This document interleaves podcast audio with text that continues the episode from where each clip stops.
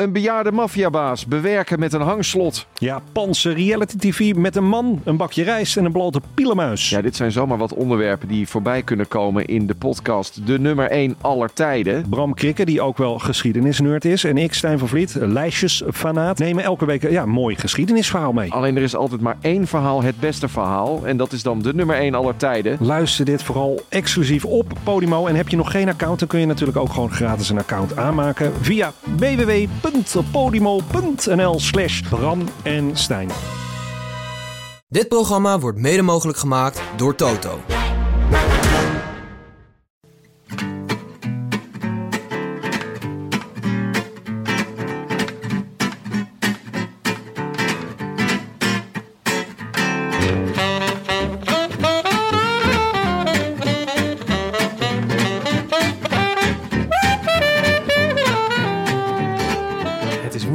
5 juli 2017, de dag van de allereerste finish bergop in de Tour de France.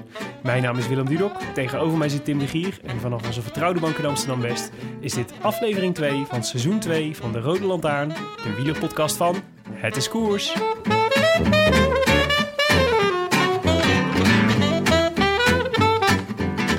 Naar La Planche des Belles Filles, de springplank van de mooie meisjes. Even leek het dat twee Belgen een kans zouden maken, maar BMC en de Skybots maakten korte metten met die droom. Het tempo ging op de slotklim de hoogte in, één voor één losten de mindere goden en net toen we dachten dat het de saaiste tour ooit zou gaan worden, bracht de Italiaanse kampioen weer hoop in onze harten. Buikendemarage, dito overwinning, een bolletjestrui en twee kussen van de ronde mis voor Fabio Aru. Aro gaat de etappe winnen. Die begint al een soort kruisgebaartje te maken op zijn borst. Van eh, ik heb deze etappe te pakken. Ja, daar gaat hij, de Italiaanse kampioen. Hij wint de etappe. En dan kijken we naar de tijdverschillen. Daar komt Maarten aan. Komt Maarten uiteindelijk als tweede over de streep? Ja, dat zal hij zeker komen. Kijken naar het tijdverschil. Dat is inmiddels 10 seconden. Dat is 11 seconden. Dat loopt langzamerhand op. Daniel Maarten komt nu over de streep op 15 seconden. Dan komt Froome over op 18 seconden. Samen met uh, Poort. Die zijn allebei op 18 seconden. Dan hebben we Bardet op uh, 24 seconden. En dan komt de rest. En dan hebben we ook nog Geraint Thomas. En natuurlijk Nairo Quintana. Die de eerste klap oploopt in deze Tour. Listen, baby, I'm lonely and blue. Just being here without you. I wish I could be in the south of France. France. In the south of France, sitting right next to you. Tim, de mensen zijn boos. Ja, ze zijn, eh, ze zijn boos dat we er niet elke dag zijn. Boos en kritisch. Heb jij boze reacties gehad? Een drol in mijn brievenbus. Nog boos- net niet. Van het buurtcomité, boze, boze Rode Lantaarnluisteraars. Ja, nee. Eh, ja, mensen hadden toch eh, gehoopt dat we, er, eh, dat we er iedere dag zouden zijn... om de saaiheid van de, van de etappes te doorbreken. Ja, ze moeten nu met wat mindere, mindere goden van het podcasten doen, hè? Ja, Zoals de Lance. Lance Armstrong, iedere dag. Ja, en misschien moeten we wel nog één keer benoemen... dat we bewust nu er wat minder zijn deze week. Zodat we volgende week en de week erop kunnen knallen. Ja, tijdens, eh, tijdens een van de vijf berggebieden waar ze doorheen moeten. Precies. Zoals de Jura, de Alpen, de Pyreneeën. Die komen allemaal nog, hè? Ja, gaan wij, en daar zijn wij allemaal bij. Dus geen zorgen mensen, het komt allemaal goed. Heb jij, eh, heb jij wel eens eh, naar de Lance geluisterd al? Ehm, tot dusver iedere dag. Echt waar? Ja, ik vind het echt leuk. Wat, ja, wat vind je ervan? Nou, eh, leuk. Oké, dankjewel. Mijn beste interview skills ingezet. Heb je nog nieuwtjes? nee, eh, ehm, eh, ik vind het heel leuk. Ik luister er echt graag naar. Want hij is gewoon, eh, hij weet natuurlijk gewoon superveel. En hij heeft echt inside information uit het peloton. Hij zegt zelf dat hij er natuurlijk al een tijdje uit weg is. Dus hij weet niet meer alles van de huidige generatie renners. Maar hij kan echt supergoed uitleggen waarom renners bepaalde keuzes maken. Of, eh, en hij geeft, vind ik, goed commentaar op wat, er, wat hij in de koers ziet gebeuren. Ja. Hij, weet, hij weet natuurlijk gewoon van binnen. Beetje agressief is hij, hè? Vind, vind je niet? Ja, dat is hij altijd al geweest in alles Hij natuurlijk. begint gewoon eh, elke, elke dag begint hij... Hey, Facebook, eh, Facebook audience. Ja. ja, hij zendt het live Facebook uit Facebook ook, inderdaad. Ja, maar het is, zit heel, je ziet dat het heel goed geproduceerd is. Want het is en heel mooi in beeld gebracht Ja. op Facebook Live met verschillende camera's. Dat heb ik nog niet gekeken. Oh, ik eh, kon gisteren kon ik niet wachten wat eh, de Lancer van eh, te zeggen had. Heb, Sorry, je, heb, je, hart- Bols. heb je hartjes gegeven op Facebook? Ja, dat zou best wel eens kunnen, ja. Ik ben normaal altijd van het eh, gretig uitdelen van hartjes. Sowieso. Nee, maar ik vind het leuk. Het is een aanrader. Voor de dagen dat de Rode Lantaarn er niet is... kan ik de luisteraars zeer wel de, de, de stages van Lance Armstrong aanraden. Een andere is, die ook leuk is, is de Rafa Cycling podcast. Ja, ja die had, luister ik dus tijdens de Giro. Maar dat was echt wel een beetje bij gebrek aan beter, hoor, vond ik. Het was gewoon, ik dacht, ik wil, kon gewoon geen genoeg krijgen van al die, die, eh, Ja. die eh, laudatio van Tom Dumoulin. En dan eh, ook nog natuurlijk buitenlanders die zeggen dat Nederlanders goed zijn, is ook nog extra leuk. Ja, vond ik ook. Maar luister je die nu? Ik, heb, eh, ik ben eigenlijk een beetje overschakeld sinds het begin naar, eh, naar Lance Armstrong's podcast. Omdat ze zo'n saaie etappe uit Düsseldorf hadden gemaakt bij de Cycling Podcast. Oké. Nee, dat zou ons niet gebeuren, hè Willem? Het zal ons nu eigenlijk zijn er gewoon niet. Dan, als het te saai is. Nee, Düsseldorf waren er wel. Dat was een superleuke aflevering. Maar eh, vond je het Ik vond dat saai? we echt schouderklopjes hadden verdiend. Vond je dit, maar vond je het daarna saai worden, de Tour? Nou, het is nooit echt saai. Maar het is natuurlijk wel... Ik moest wel een beetje terugdenken aan vorig jaar... toen wij eh, uit armoede maar Wikipedia-pagina's van eh, willekeurige vluchters hebben zijn gaan plunderen... om een soort materiaal te krijgen voor de podcast. Ik vond het persoonlijk als hoogtepunt. De, de, Ja, dat is ook wel de, waar. De, etappe waarin we inderdaad iedereen gingen...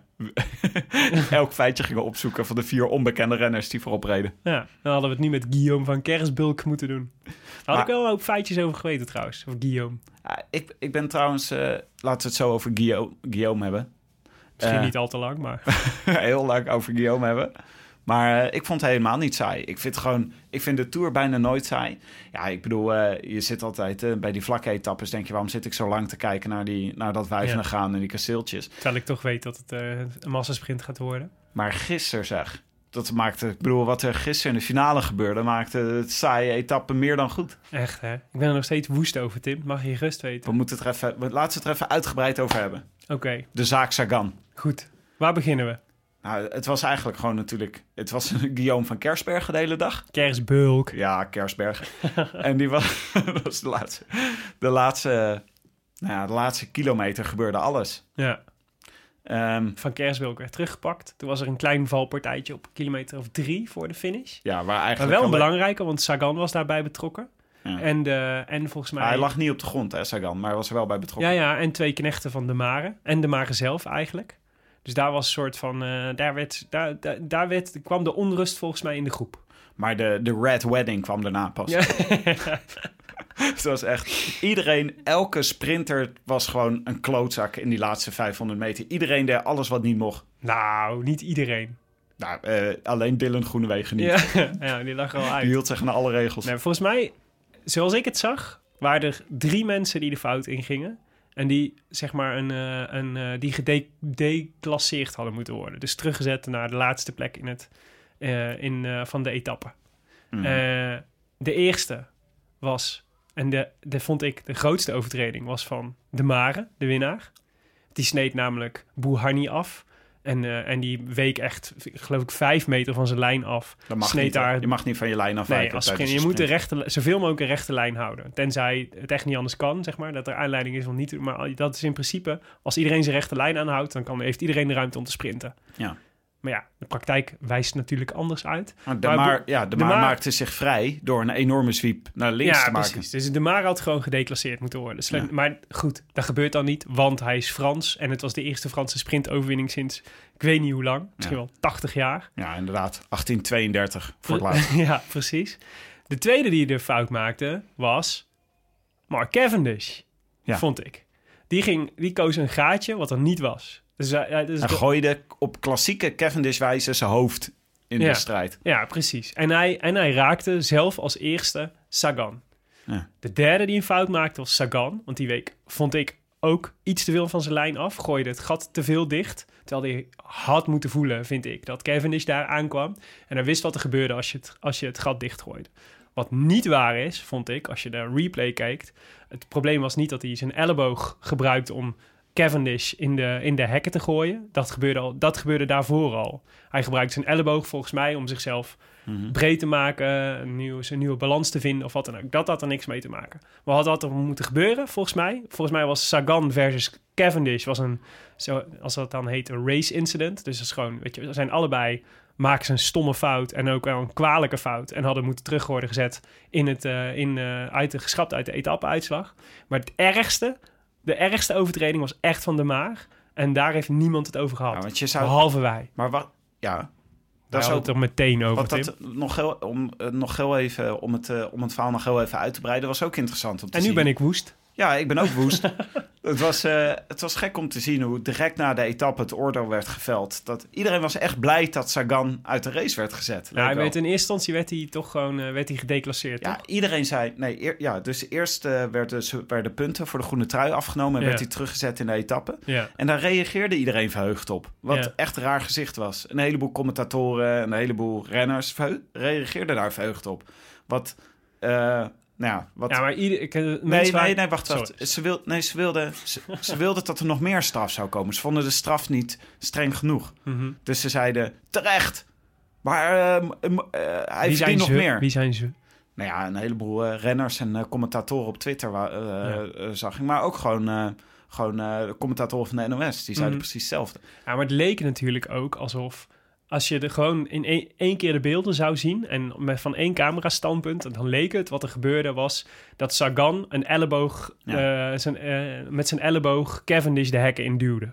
Ja, en dan komt de, dan komt de jury bij elkaar. Mhm. Wat niet de jury is van de Tour de France, maar van de UCI. Ja, En dat, die bestaan uit allerlei verschillende nationaliteiten. Dus Ja. die zijn, als het goed is, met een Belg als voorzitter. met een Belg als voorzitter niet bevooroordeeld. Mhm. Maar die kwamen volgens mij te snel met de conclusie. Want iedereen zat nog in de adrenaline van die keiharde valpartij van Ja. Cavendish. Ja. En die gingen vrij snel nadat ze de eerste schorsing hadden gegeven... over naar de tweede schorsing om Sagan de Tour uit te gooien. Ja. En dan eigenlijk nemen ze dat nooit meer terug. Ook niet bij hoger beroep. Nee, nee. En nee, eigenlijk hebben ze in de hysterie... hebben ze eigenlijk die beslissing genomen om Sagan de Tour uit te gooien. Ja. ja, waanzin. Ze ja, gewoon net echt- als, net als wij superstom. 300 keer naar de herhaling moeten kijken. Ja, dat kan toch. Die hebben, zij, we hebben nog meer middelen dan... Maar ik bedoel, ik vond echt geen enkele... Toen ik de herhaling had gezien... Ik vond echt geen enkele twijfel mogelijk over... eh, of, dat, eh, of dat Sagan het met zijn elleboog deed of niet. Weet je, je kunt het erover hebben... hoe groot is de fout die Sagan maakt daar. En, is die, eh, en, en dat, dat vind ik echt terecht. Maar met zijn elleboog had het echt allemaal heel weinig te maken, vond ik. En ik vond, daarom vond ik ook...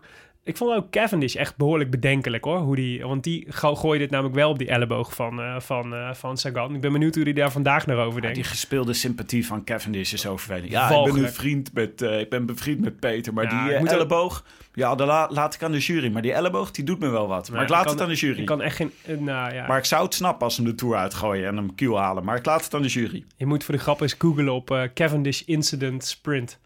Ja. En kijken wat je dan allemaal tegenkomt. Leuk YouTube filmpje met, eh Met Tom. Velers. En hij heeft laatst had hij eh, zo'n... eh, wat was het ook alweer? Bij de WK op de baan had hij toen zo'n gast van... Echt, Ja. echt gewoon eraf geveegd. Het is echt buitengewoon ingewikkeld om enige sympathie voor Cavendish op te brengen, vind ik. Dat Maar- is dan ook wel weer waar. Maar vind jij dat... En voor je- Sagan is het echt heel makkelijk om heel veel sympathie op te brengen. Ja. Maar vind jij ook dat je zo'n, eh, wat Sagan heeft gedaan, ook moet beoordelen op het resultaat? Want wij bekijken nu van, is de Nee. actie die hij gedaan heeft onreglementair? Mhm. Maar je kan ook zeggen, die kleine overtreding die hij heeft begaan, heeft desastreuze gevolgen in deze etappe. Ja, ja dat is Dus- wel waar. Nee, want het is... Hij, hij Verdient bedoel, hogere straf. Wat is het? Swift en Degenkop zaten er natuurlijk nog achter. Die gingen over... ehm, Swift heeft niemand het over trouwens. Iedereen heeft het heel erg voor Degenkop. het was toch Swift, of niet? Ja, volgens mij wel. Ben. Ja. ben. Maar die gingen dus nog over Cavendish heen. Volgens mij reed Degenkop ook vol tegen zijn kop aan. Dat is echt ook nog wel een dingetje. Maar, ehm, eh, nee, maar die, ja, die, die viel er natuurlijk nog overheen. Maar ja, god, weet je wat, wat als de Mare eh ehm, één centimeter eerder naar links was gegaan... en wel vol het wiel van, eh van Bouhanni onderuit had ge- geveegd... dan waren er nog veel meer gevallen. En, eh, dan, en dat, was, dat was echt... eh, Dus ik vind niet dat je alleen mag kijken naar de gevolgen. Het gaat, ook, het gaat gewoon dat daar een overtreding werd gemaakt. En dat die... Ze ze hebben gewoon de Mare... Die jury heeft gewoon zitten kijken. En gewoon na het incident van Sagan... eh, is het dan in één keer heel erg. En wat de Mare is dus... Daar hebben ze geen enkele straf voor gegeven. Ze konden niet eens gewoon, iets over gezegd. Niet eens een waarschuwing voor gegeven. Nee, dat ze hebben zich gewoon mee laten slepen. Dat Ja. is denk ik echt... Maar goed, what else is nieuw in de Tour? ja. Wij zijn woest, maar het was wel mooi. Hartverwarmend hoe wij het met elkaar eens waren. Zo snel ik na vond de het echt... eh, ja, zeker. Ja? We, hadden snel, we hadden snel de gelederen gesloten. We hadden een persconferentie kunnen geven, eigenlijk. Precies. En als eerste, en, eh, een van de eerste waren we in de contramine. Vond ik mooi. Over de contramine gesproken, hadden we nog rectificaties voor de vorige aflevering. Schitterend bruggetje. Zeker. We noemden namelijk consequent de openingstijdrit in Düsseldorf proloog. ja. Maar, zo wees Mathieu Jansen, een trouwe luisteraar uit Nijmegen, ons op. Een proloog is, eh, is, kan alleen als hij, dat heet alleen zo als hij eh, korter is dan 8 kilometer.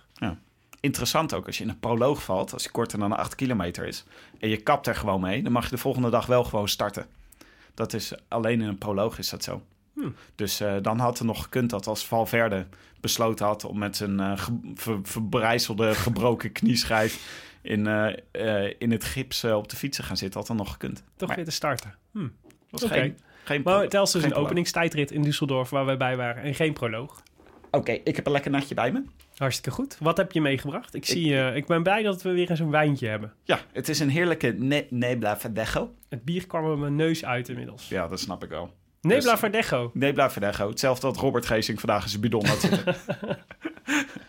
Robert Geesink heeft echt een heerlijke Tour de France. Hij is echt gewoon lekker op de, de, de wielertoerist. Hij beschouwt als, het soort, eh, als een soort spa-zuiver, beschouwt hij het. Had je gezien dat hij vandaag ook gewoon twee fietstassen bij zich had... met een picknickkleed en eh, een paar kaasjes. Lekker bergje op fietsen.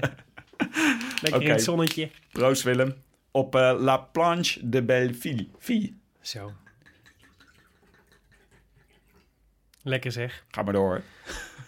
Ja, La Planche de Belleville dus. Weet je waar de naam vandaan komt trouwens? Eh, nee, Nu we toch... eh, nee, mooie meisjes. Ja, dat is, is, volgens mij betekent... Het La plankje, plankje met mooie Het meisjes. plankje van de mooie meisjes. Volgens mij betekent het in deze een soort van duikplank. Want het is namelijk, het, het is namelijk, de naam stamt af van de legende, van een legende. Er staat namelijk ook een beeld boven op La Planche de Belleville van een meisje dat van een plank afspringt. En dat was uit de 30-jarige oorlog, die in de 17e eeuw plaatsvond. Mhm. Toen waren er Mooi. allemaal Zweedse huurlingen in dat. Het was een soort tijd waarin alle, heel Europa helemaal met elkaar overhoop lag. Dat is later nog wel een paar keer gebeurd, maar ook onder andere tijdens Ja. de 30-jarige oorlog. Het waren de Zweedse huurlingen in dat gebied. En de, de mooie meisjes uit het dorp, die waren bang voor, eh, voor wat de Zweedse huurlingen hen aan zouden doen. En, en verkozen een eh, zelfgekozen dood boven het lot wat hen te wachten stond als ze in handen zouden vallen van de Zweedse huurlingen. Dus die gingen naar La Planche de Belleville, die waarschijnlijk toen nog niet zo heette, maar daar, genoemd is. Die gingen naar die berg en doken dan het meer in. En, eh, en, en eh, maakten zo een einde aan, le- aan hun leven, maar ontsnapte wel aan de Zweedse huurlingen. Wat een verhaal. Maar heet ben het je La Planche de Belleville. Wat een onzin om bang te zijn voor allemaal van die Zweden met gefeund haar en skinny jeans. En later aan Ibrahimovic. Oh, ik dacht meer aan Stefan Pettersson. ja, Hoe zou zij daar bang voor zijn? ja Dacht dat ik is toen. waar. Dat is waar. Gek eigenlijk. De Franse meisjes. Begin er niet aan. Nou, de etappe van vandaag, die was dus eh, vrij kort. Ja. Zei Laurens ten Dam, die vond 160 kilometer vrij kort. Mhm. En eh, het ging eigenlijk allemaal om die La Planche de Belleville. Ja, Aan me- het einde een mega de- klim. Eerste categorie. Aan het einde van, eh, aan het einde van de rit.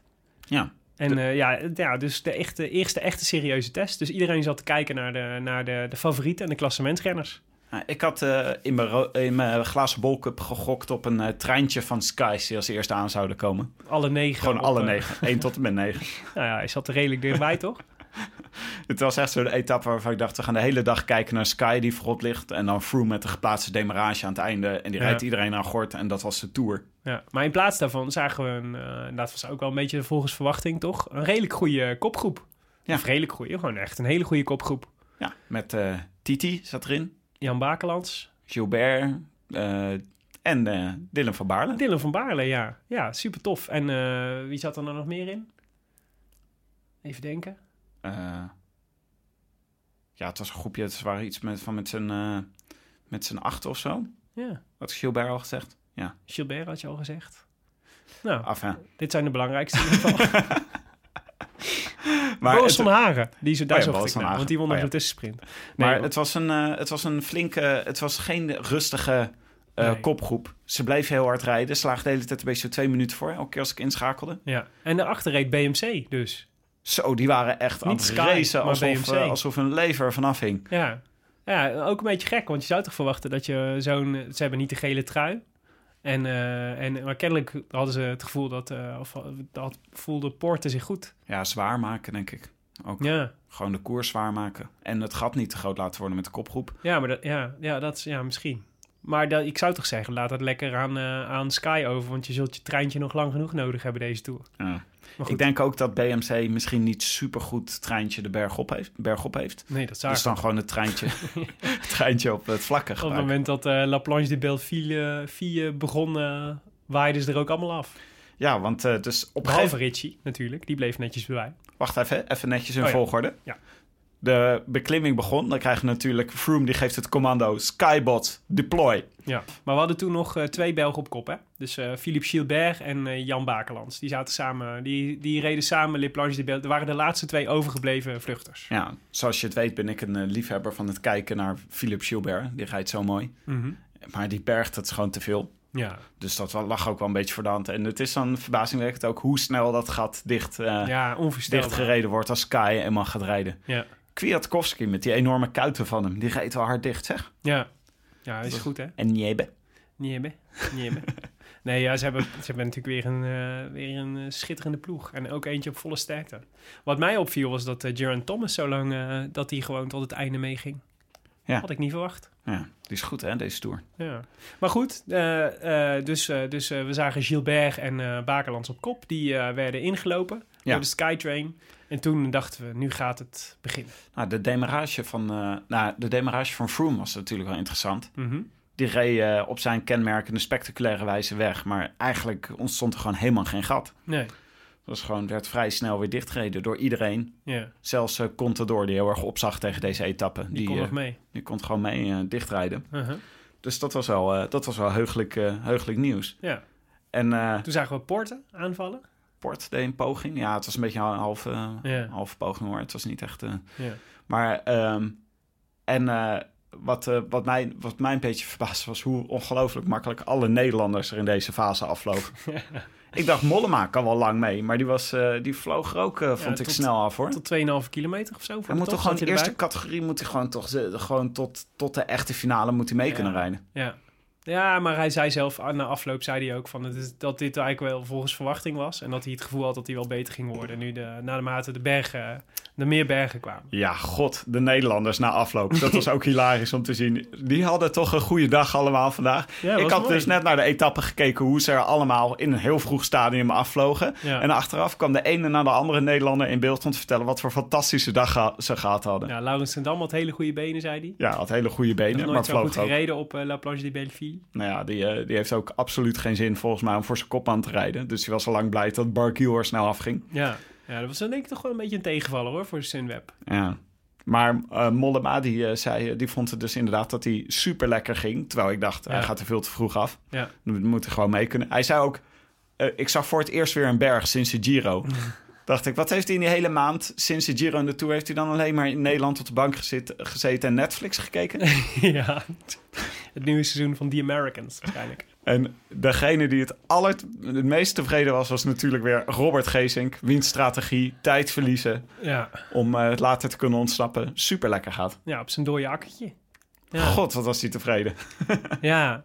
ja, en toch, ja, weet je, eigenlijk kunnen we dit, deze strategie toch pas over 2,5 week beoordelen. Want hij heeft zelf vanaf het begin af aan heeft hij gezegd: ik ga heel veel tijd verliezen. En, eh, en eh, daarna ga ik proberen om in, de, in een aantal bergritten moet ik, eh, moet ik meezitten en moet ik erbij zijn. Ja. Nou, het eerste deel van de strategie slaagt vooralsnog wonderwel. Ja, gaat fantastisch. Ja, maar ja, het klopt. Ja, het is gewoon een beetje gek om. De, misschien is dat het wel. Misschien is het wel gek om, vind ik, om een, iemand die het zoveel, met zoveel klassen als Robert Geesink, tenminste, zo schat Ja. ik hem nog steeds in, om hem zo, zeg maar, om met zo'n strategie een tour te zien rijden. Ja, het, voelt zo gebrek, gebrek aan ambitie.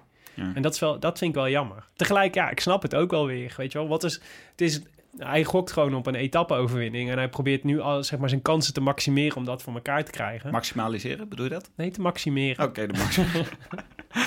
ja. Ja, en, eh, en ehm, Maar ja, ik vind gewoon dat je niet zo vocaal moet zijn over zoveel tijd verliezen. Dan moet je gewoon even Ja. je snor drukken. ja, maar ja, maar dit zijn toch ook allemaal... Is, Je gaat hij met krijgt iedere keer een microfoon grijs- onder zijn neus. Hij gaat met zo'n ontzettende grijs op zijn gezicht, gaat hij, eh, laat hij zich eraf waaien. Ja, ja, Het is nog net niet dat hij de camera opzoekt, zoals Titi. En dan Ja. zegt, kijk mij eens tijd verliezen. ja, ja oké. Maar we hadden in ieder geval Dylan van Baarle in de kopgroep. Ja. Vond ik mooi.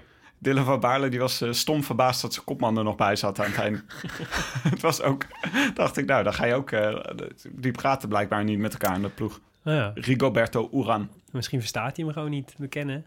Ja. Eh, en maar toen, eh, gelukkig, eh, naar, eh, toen lukte echt toch een demarrage. Net toen we dachten van het gaat allemaal niks meer worden. En, eh, en eh, ze gaan eh, en groep gaan ze de finish over.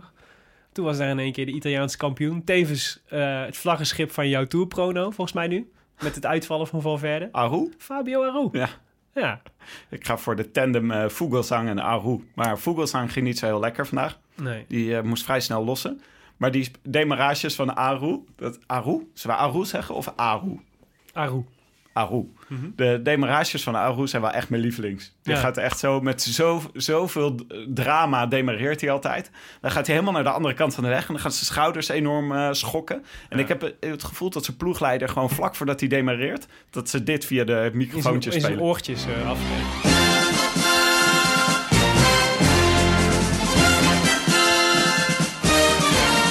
Dan meestal gaat hij dan na, der- na 30 seconden is de demarage weer afgelopen en moet hij meestal lossen. Zo was het vorig jaar.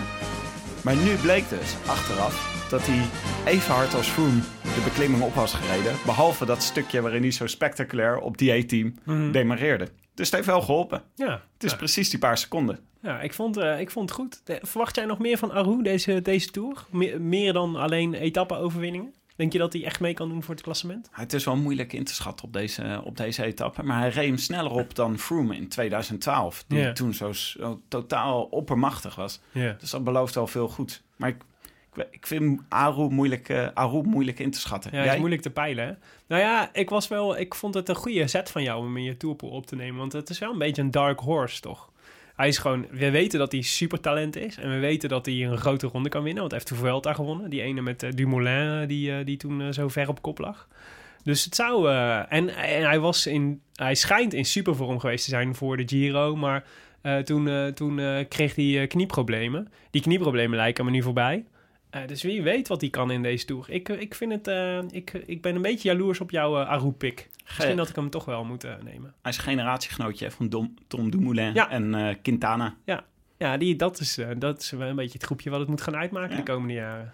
Nee, het was, hij ziet er ook zo vet uit hè, in zijn Italiaanse, Ja, dat staat Italiaanse hem mooi. tenue. Dat Ja. staat hem echt goed. Ja. Dus ik, hij staat nu op mooie 14 seconden of zo hè, of van, van Froome. En dat hadden we toch Ja. vanochtend niet, niet verwacht. Nee, maar ik denk eerlijk gezegd niet dat het echt een... Het is, niet daar. het is natuurlijk niet een uit- echte uitdager van Froome. Denk ik niet. Maar top 5 zou moeten kunnen hoor, voor Aru, denk ik.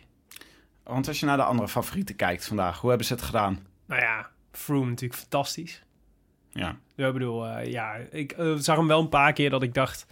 ehm, de echte tempoversnellingen die zitten er nog niet in. Maar het Ja. is wel weer gewoon oerdegelijk. Echt hij, hij wilde wegrijden hè, vandaag. Het lukt hem niet. Nee. Dat is maar- snel een opsteken. Ja, en, eh, en op een gegeven moment ging Martin nog aan in de laatste kilometers. Die kon hij ook niet echt volgen. Dat wilde hij ook wel. Goh, Martin, goed hè? Ja, verrassend ook wel. Ja, Ja. Zou dat gewoon, dat zou gewoon, eh, dus die sneaky bastard wordt gewoon langzaam zeker een klassementrenner. Zonder dat iedereen, eh, iemand er rekening mee houdt. Het is een ontzettend sympathieke renner, Martin. Maar Ja. ik vergeet hem altijd. El- Dan zie ik dus die quicksteps ineens op de berg. Zie ik quicksteps vooraan rijden. En dan denk Ja. ik, wat gaan jullie doen? Is Kittel, heeft Kittel er zin in vandaag? Ja, Maar Ja. dan gaat het natuurlijk om Dan Martin. ja precies. Nou ja, maar de, dus, dus eh, ja, Froome, dus gewoon een vertrouwd beeld ook, hè. Dus na afloop gewoon in het geel. Dus een beetje saai. Nou ja, Quintana, mag ik jou even herinneren aan de poeptheorie? die houdt vooralsnog kan je, stand. nog, kan, je hem even, kan je hem even herhalen voor de mensen die nu inschakelen? Voor die die nu inschaken. De poeptheorie is dat Quintana het grootste slachtoffer is geworden van de, de poep van, eh, het poepincident van Tom Dumoulin tijdens de Giro. Omdat hij daardoor in de laatste week voluit moest, Quintana.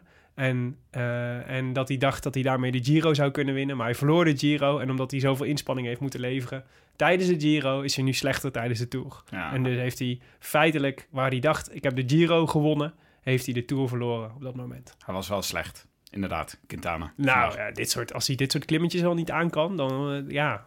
Wat Ah, doe je hier is- dan nog, Nairo? Ja, maar het is een heel venijnig klimmetje. hè, Omdat je dus één zo'n Ja. berg hebt. En dus heel hard één berg op moet kunnen rijden. En Ja. voor sommige renners, zoals Contador bijvoorbeeld... die vond Ja. dit ook heel vervelend. Die zei ook van, ja, Ja. ik kan dit niet. Daar heb je gelijk in, maar Quintana zou dit wel moeten kunnen. Kijk, wat, het enige excuus wat je zou kunnen geven is dat de eerste klim is altijd, is altijd lastig. Dan heb je namelijk, je hebt volgens mij eh, drie etappes achter elkaar, soort van op, over het, op het vlakke keihard gereden. En dan in één keer moet je de berg in. En dan moet je, je lichaam moet gewoon even schakelen, volgens mij. Ja. Nou zou ik zeggen dat Quintana eh, dat makkelijk zou moeten kunnen verteren. Maar goed, laten we hem vooralsnog het voordeel van de twijfel geven. Maar ja, het was gewoon na de proloog, het is eigenlijk wel weer een klap. Dus, het is, zeg maar, in de strijd Froome-Quintana staat het echt al wel 2-0. Het is een beetje wie er afvalt, hè? Ja. Kikkertjes in de kruiwagen. Nee, dat is niet een goede, goede spreekwoord.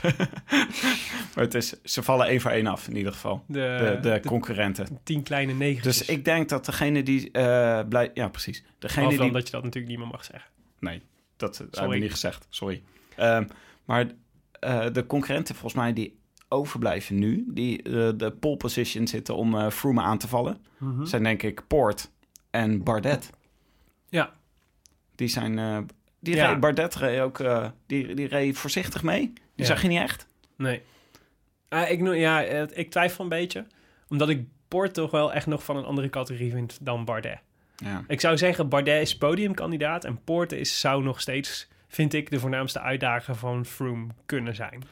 Moeten we niet Bardet zeggen? Want ze kregen commentaar Bardet. op de manier waarop het Tour de France uitspraken vandaag in de recensie in de morgen. Ja, Bardet. Bardet. Bardet. Tour de Romain France. Bardet. Romain Bardet de Tour de France. Laten we, dat zo, laten we het voortaan zo uitspreken. Nee, maar ik vond... Nee, je hebt gelijk. Bardet is gewoon, is gewoon heel goed. Maar dat heeft hij natuurlijk vorig jaar ook al bewezen. Dus hij kan... eh, hij deelt dus podiumkandidaat. Niet Ja. als Quintana is ook nog steeds podiumkandidaat. En Contador is ook podiumkandidaat. Maar voor mij... Zou, als ik nu zou moeten, als ik nu zou moeten uittekenen, dan zou ik zeggen: Froome is huishoog favoriet. Maar kan nog natuurlijk van alles gebeuren. Parijs, hè? Nog een Mhm. eentje. Hoe was het spreekwoord ook alweer? Ja, klopt, ja. En, eh, maar, en Poort is zijn voornaamste, zou ik zeggen, is nu zijn voornaamste uitdager. Ja. Ja. Poort en dan een categorie van Bar- eh, Bardet. Ja. Eh, Daniel Martin, misschien wel. Ja, Aru. precies. Maar het, het gaat nu weer even duren voordat we, voordat we weer een nieuwe serieuze test zien. Van Ja. het weekend weer, hè? Even kijken. De, we moeten even wat administratie doen, Willem. Wie had jij vandaag voor de glazen bolkop cup? Plaats, Eh, glazen bol Glazen kop. bolkop. Ik had eh, Sergio Henao, had ik. Oh, En dat was een beetje, ja, het was, het was een, eh, een beetje een exotisch schokje. Ja. En ik dacht, een beetje jouw theorie, eh, de Sky Train gaat hier alles domineren en platrijden. Ik had gedacht dat Sergio Henao nog, eh, nog eh, misschien wel zijn laatste man zou zijn. Dat was hij niet. Dat dacht hij denk ik zelf ook. Maar dat Ja. ging niet helemaal goed door die demarrage van eh Aru. Ja, en, ehm, en eh, dus ik dacht, hij gaat zijn laat, de laatste man van Froome zijn. En Froome, en eh, ik dacht, we eindigen met Sergio Henao, Froome, Pochten. En, eh, en dan wint, mag Sergio Henao mag winnen van, van Froome.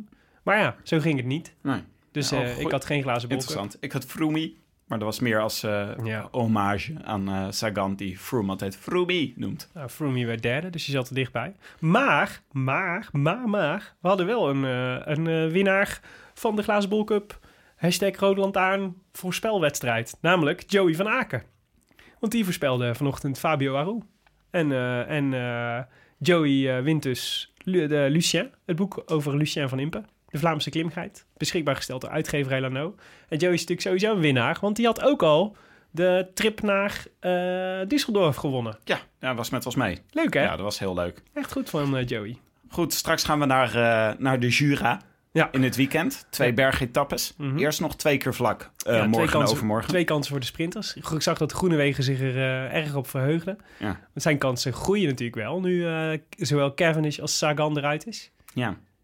Ja, we, ja, we gaan het zien. Kan die Eh, twee plekken opschuiven. We hebben morgen de etappe naar eh Troyes. Ja. En eh, het is een hele lange etappe, 216 kilometer. Een beetje glooien en dan een eh, sprint, ongetwijfeld. Waarschijnlijk een kopgroepje met een paar, eh, Ja. paar redders die voor de groene trui gaan Het is misschien. wel ook toch altijd toch, zeg maar, zo'n zo'n eerste rit na een bergetappe... is toch ook altijd wel zo'n klassiek moment dat een vlucht wel zou kunnen slagen. Omdat volgens mij iedereen toch wel... vond het toch wel pittig. Nou, misschien was hij niet zwaar genoeg nu, omdat het maar één klim was. Maar het zou kunnen. Het. Ja. zou kunnen dat je, dat je morgen, veel, eh, eh, morgen een goede vlucht hebt. Als ze, veel, eh, als ze met veel mensen zijn. Ja, Dat, dat is wel belangrijk, denk ik dan. ja, maar toch ga ik voor de massasprint. En wie heb jij? Arnoud de Mare zou ik weer Dat is een opschrijven. beetje je favoriet, hè, dit jaar? Nou, ja, ja, hij kan doen wat hij wil. Ze disqualificeren hem toch niet. ja, precies. Arnaud Demar, nou een vuist, nadat hij met een vuistslag Kittel heeft gevloerd. Ja, waarschijnlijk, zo zal het gaan. En jij? je, hebt, je hebt in mijn aantekeningen heb je mijn voorspelling veranderd en Geesink. Wat is dit? Dit is sabotage. Jij moet Ik zie gedisqualificeerd dat je worden. Robert Uit- Geesink hebt eh, opgeschreven, Tim. Nou, dan blijf ik erbij. Robert Geesink morgen. Maar Geesink die gaat morgen iets heel anders doen. Ik hoor dat Geesink gaat zwemmen morgen. dat, dat je dan na 100 kilometer een picknick heeft gepland. Oké, dit was het voor vandaag. Nee, je had Groenewegen.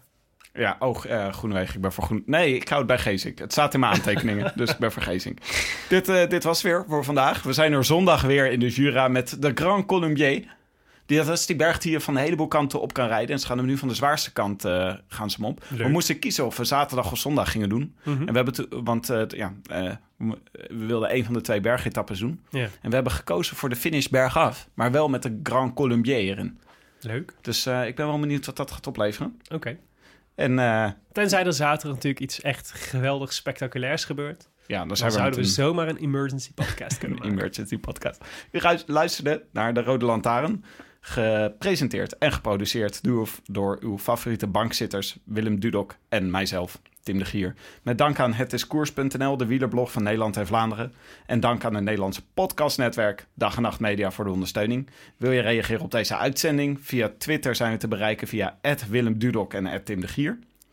En eh, abonneer je op iTunes. Of eh, laat daar eh, in elk geval een reviewtje achter. Dat vinden wij heel erg leuk. En dat helpt ons ook weer in de ranking om helemaal bovenaan te komen. Boven Lance. Boven Lens, dat willen we eigenlijk, hè, vooral. Zeker. Hadden we nog een eh, recensie? Zeker. Nou, hadden we een recensie. Hadden we een recensie. We stonden vanochtend in De Morgen. Oh ja, ik noemde het al even. Wat een Vlaamse krant is. In het begin, ja.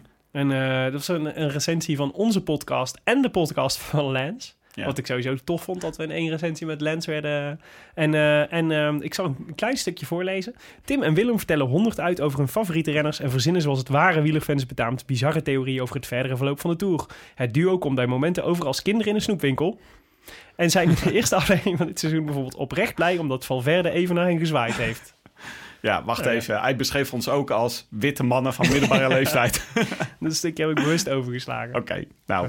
Maar toch leuker is. En vier sterren ook. En, en hij schreef erbij dat, eh, dat, eh, wij, dat de Rode Lantaarn en de, de stages van Lance Armstrong bij elkaar alles is wat je nodig hebt om de komende drie weken goed door te komen. Oh, Dat is leuk, toch? Echt, wat een prachtig einde van deze podcast vandaag. Shout-out naar Thomas Smolders. Zien we elkaar eh, zondag weer. We zien elkaar zondag weer. Tot zondag. A biento. A biento. Just being here without you. I wish I could be in the south of France. In the south of France, sitting right next to you.